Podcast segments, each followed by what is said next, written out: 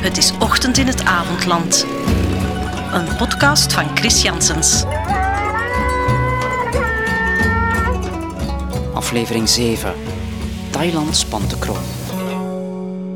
Vandaag kijk ik even over de grens naar de buren in Thailand. Het is precies vijf jaar geleden dat daar Bhumibol overleed, of Bhumipon, zoals je dat eigenlijk uitspreekt. De populaire koning die 70 jaar op de troon heeft gezeten. Ik herinner me zijn overlijden nog heel goed, want ik woonde toen net een paar weken in Zuidoost-Azië.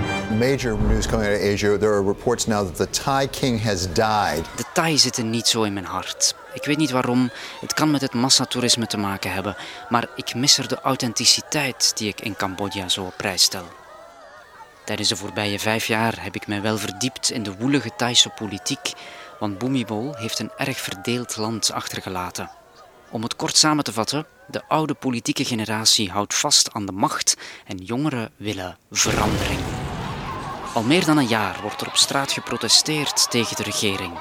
En zoals dat gaat met langdurige conflicten, verliezen media hun geduld en hun aandacht. Als er echt nog eens iets gebeurt, mag je het altijd laten weten, zegt mijn eindredacteur dan. Maar een zoveelste betoging is geen nieuws meer. Ik heb net bewondering voor het doorzettingsvermogen van deze manifestanten. In 2018 kon ik Parit Shiwarak ontmoeten. Nu een van de leiders van dat straatprotest, maar toen nog een schuchtere student. Zelfs het kneusje van de klas. Een intelligente jonge man, maar een beetje corpulent en met een licht spraakgebrek. We are university students now, but more than the rights of the students, we also concerned for the rights of the people. Al wikt Parit zijn woorden als hij met mij praat, uit schrik voor het regime. Pe- pe- People just, people just don't, just don't, just don't. People don't just speak with strangers. Dat die vrees niet onterecht is, merk ik een jaar later als ik een nieuwe reportage wil maken over critici en activisten in Thailand. De politie heeft lucht gekregen van mijn plan en ik word ochtends aan mijn guesthouse opgewacht door zes agenten die mij meenemen voor verhoor. Er wordt me duidelijk gemaakt dat ik beter een artikel zou schrijven over de rijke cultuur van Thailand, in plaats van mij er te moeien met de binnenlandse politiek. Na de bolwassing mag ik als een vrij man het politiekantoor verlaten. Een week later krijgt het verhaal nog een venijnig staartje op de luchthaven van Bangkok. Ik wil inchecken voor een vlucht naar Phnom Penh, maar als ik bijna door de controle ben, trekt de douanier mijn paspoort plots weer naar zich toe. Ik mag naar Cambodja vliegen, maar daarna ben ik niet meer welkom in Thailand. Nooit meer.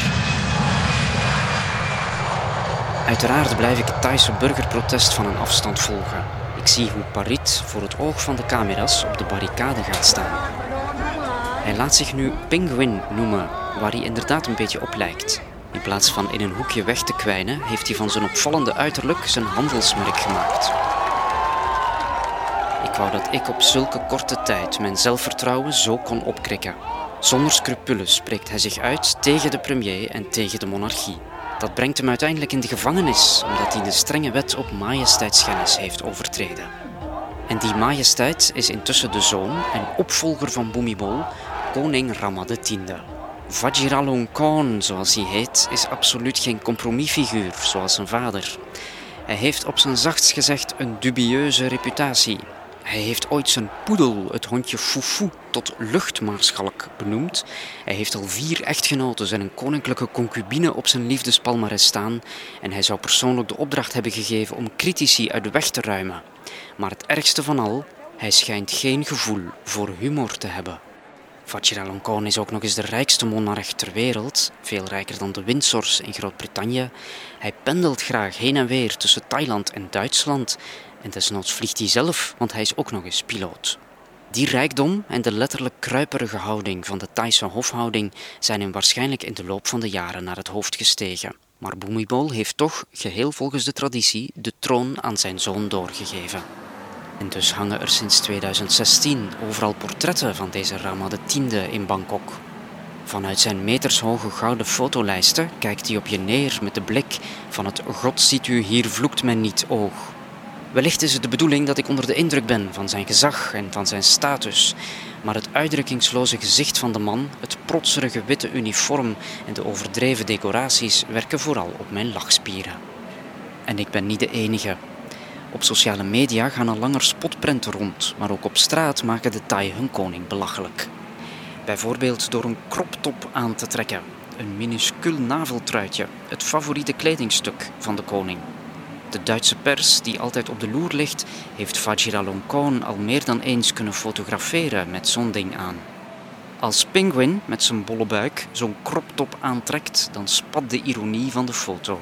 Rond zijn geprononceerde navel is plaats genoeg voor boodschappen als meer democratie, meer vrijheid en minder monarchie. Hoe gaat dit aflopen? vraagt mijn eindredacteur, die het verhaal graag wil archiveren om achter andere conflicten te kunnen aanlopen. Maar dat is niet duidelijk. Het protest blijft duren, maar de eerste minister laat zich niet intimideren en de koning al helemaal niet. Misschien kan de Belgische diplomatie mij helpen om later, als de strenge coronamaatregelen opgeheven worden, toch opnieuw naar Thailand te reizen. In elk geval blijf ik de avonturen van Penguin in het land van Vajiralongkorn op de voet volgen. Vind je deze podcast leuk? Abonneer je dan via Spotify en klik op de bel om elke woensdag een bericht te krijgen als er een nieuwe aflevering online komt.